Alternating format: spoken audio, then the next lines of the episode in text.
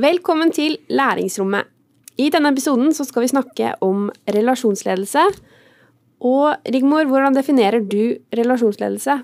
Ja, Da tenker jeg på at det er en ledelse som foregår med fokus på kommunikasjon og samspill mellom lærer og elev. Og at relasjonsledelse bygger på et etisk fundament hvor det ideelt sett eksisterer en likeverdig relasjon mellom lærer og elev. Jeg syns det har sammenheng med det, det som jeg brukte i artikkelen min også om sosiokulturelle perspektiv. Det at lærer og elev samhandler og får til et, eh, en god, gode resultater gjennom samhandling. Og på den måten får gode læringsbetingelser. Det syns jeg er det viktigste i relasjonsledelse. At lærerne er i stand til å lede på en måte som gir godt samspill med elevene. Mm. Og Eh, både i forhold til klassen, i forhold til enkelteleven og i forhold elevene seg imellom. At det fungerer bra. For alle de perspektivene er viktige i ledelse. Ja, og så er det jo i forhold til Det som jeg også har vært eh, veldig opptatt av i min artikkel, det handler jo om hvis man da skal oppnå det som du snakker om, Annelise, om mm. eh, gode resultater i forhold til elevenes læring. Så er det kanskje visse betingelser som må være til stede for at det her skal skje. Og en av de betingelsene som jeg har eh, skrevet om, det er jo det her med dialogen. Mm. Dialogen mellom lærer og elev. Og um, hvordan dialogen er liksom eksistensielt viktig for, for oss for at vi skal ha det bra Mm. At vi skal mestre, at vi skal oppleve livsvilje og psykisk overskudd. Mm. Uh, og jeg har jo tenkt på at dette kanskje er noe som er lett å glemme i en samfunnskontekst hvor, hvor mye handler om at man skal lykkes som enkeltindivid.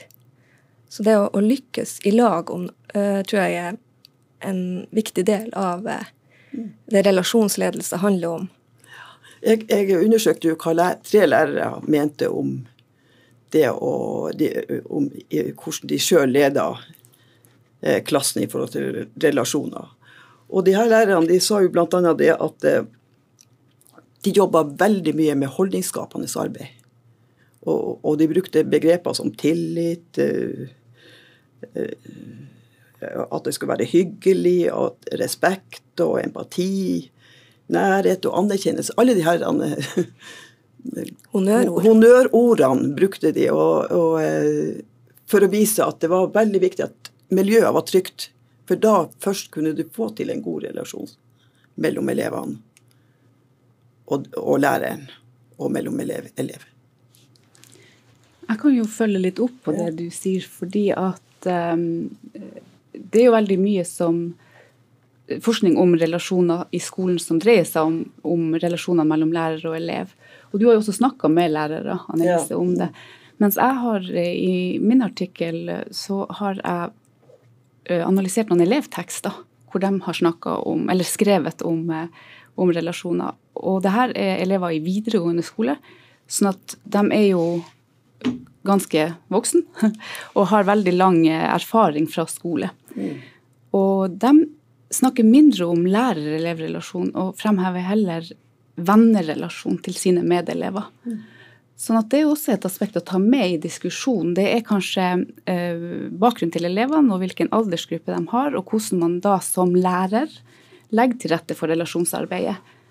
Og at man med de eldre elevene eh, kanskje anerkjenner at de er mer opptatt av sine jevnaldrende, og at man da som lærer leder de, det relasjonsarbeidet, sånn at de får mulighet, et mulighetsrom til å utvikle sine vennskap.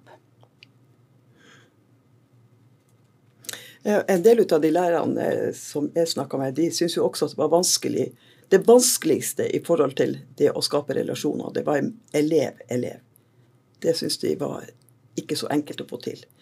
Mens det var enklere i forhold til klassen og i forhold til enkeltelevene. Spesielt i forhold til enkeltelevene som hadde problemer, for de kom det jo veldig nært og fikk mye samarbeid rundt òg.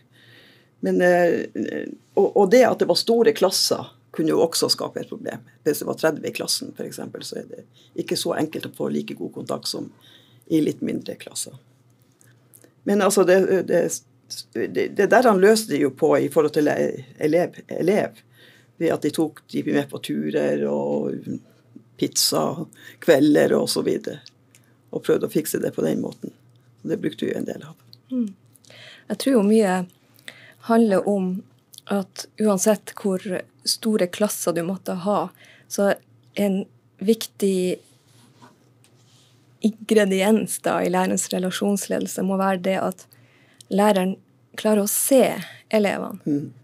Og det er jo kanskje også et sånt honnøruttrykk, det å se elevene. Så da tenker jeg mm. hva Kanskje er viktig å tenke over hva, hva betyr det egentlig å se elevene? Hva du, hva du tenker, Anne Mette? Hva, hva, betyr, hva tenker du det betyr å se eleven? Ja, jeg tror for den enkelte lærer eh, i sitt daglige arbeid, så er det jo å, å ta seg tid og være oppmerksom.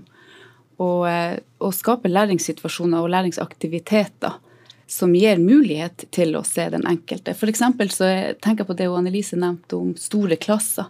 At de lærerne du snakka med i, for, i, forbindelse med arbeidet med din artikkel, at de syntes det var utfordrende når det var store klasser, å få til relasjonsarbeidet. Mm. Eh, og da er det jo kanskje å legge opp til eh, læringsaktiviteter som gjør at du kan f.eks. gruppere dem og gå til enkeltgruppe, og i den situasjonen se flere elever samtidig. Fordi du da får, et, får tid til å se flere på den korte fagøkta du har den dagen, f.eks. Så å tenke litt sånn praktisk gjennom, praktisk didaktisk da, gjennom hvordan du legger opp undervisningsøktene. Men det betyr kanskje også noe å komme, eh, at eleven sjøl får eh, fungere på sine premisser òg. At han ikke er nødt til å spille spill for å være en annen person, altså for å bli godtatt av lærer eller de andre, men at han får være seg sjøl og, og, og, bli godtatt som det. Ja, så tenker jeg at det, kanskje også det handler om at læreren har en sensitivitet i forhold til elevene. At, at en elev er mer enn den ytre atferden Mm. Altså, det er noe bak den ytre atferden også. Og, og, på en måte evne å, å se det. Eh, og det er ikke så lenge siden det gikk en sånn uh, fin serie på NRK som het 'Du så meg', der det var en uh, det var flere elever som fortalte om mm. hva, hva lærere har betydd, enkeltlærere har betydd for dem. Og det var mange sterke historier ute og gikk. Mm. og det handler jo mye om at det var elever som hadde mista litt trua på seg sjøl, mista trua på at de kunne bli noen ting, få til noe her i livet. Og, men så var det den ene læreren som, som på en måte så hva denne eleven eh, strevde med, og som mm. var der og eh, viste eleven at jeg, jeg, tror på deg, jeg ser deg. Og en av de lærerne sa det jo ganske så betegnende at det fins ikke håpløse unger. det du må bare grave ut det positive. Det er håp for absolutt alle. Mm. Eh, så sånn helt Hvis man liksom borer helt inn til kjernen av hva det handler om, så er det kanskje det her menneskelige. Det å, å, å finne eh, å, å gi, gi, håp. Håp om eh, at jeg kan få til noe, jeg kan bli til noe. Jeg, jeg er verdifull, eh, også uavhengig av mine prestasjoner. Men, men, samtidig så snakker vi om relasjonsledelse, og, og det er jo det er jo ikke bare det her som går på det helt nære med empati, og det her, det er også med at du skal kunne klare å mestre en klasse. Og da må du ha struktur, du må ha noen regler som skal håndheves. Så det altså om å være, være en lærer som kan mestre begge bitene her.